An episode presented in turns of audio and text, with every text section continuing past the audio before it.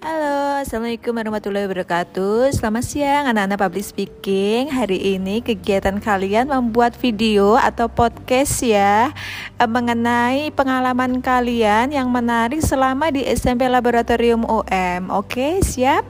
Semangat ya. Nah kalau Bu Ola punya cerita waktu itu pernah mengajar tahun berapa ya? Lupa pokoknya.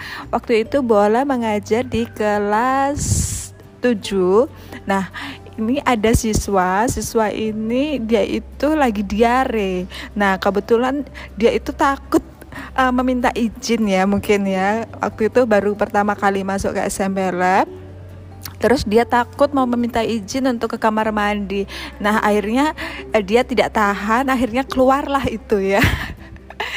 Jadi begitu ceritanya. Nah, boleh tunggu pengalaman kalian ya anak-anak. Oke, siap? Semangat ya!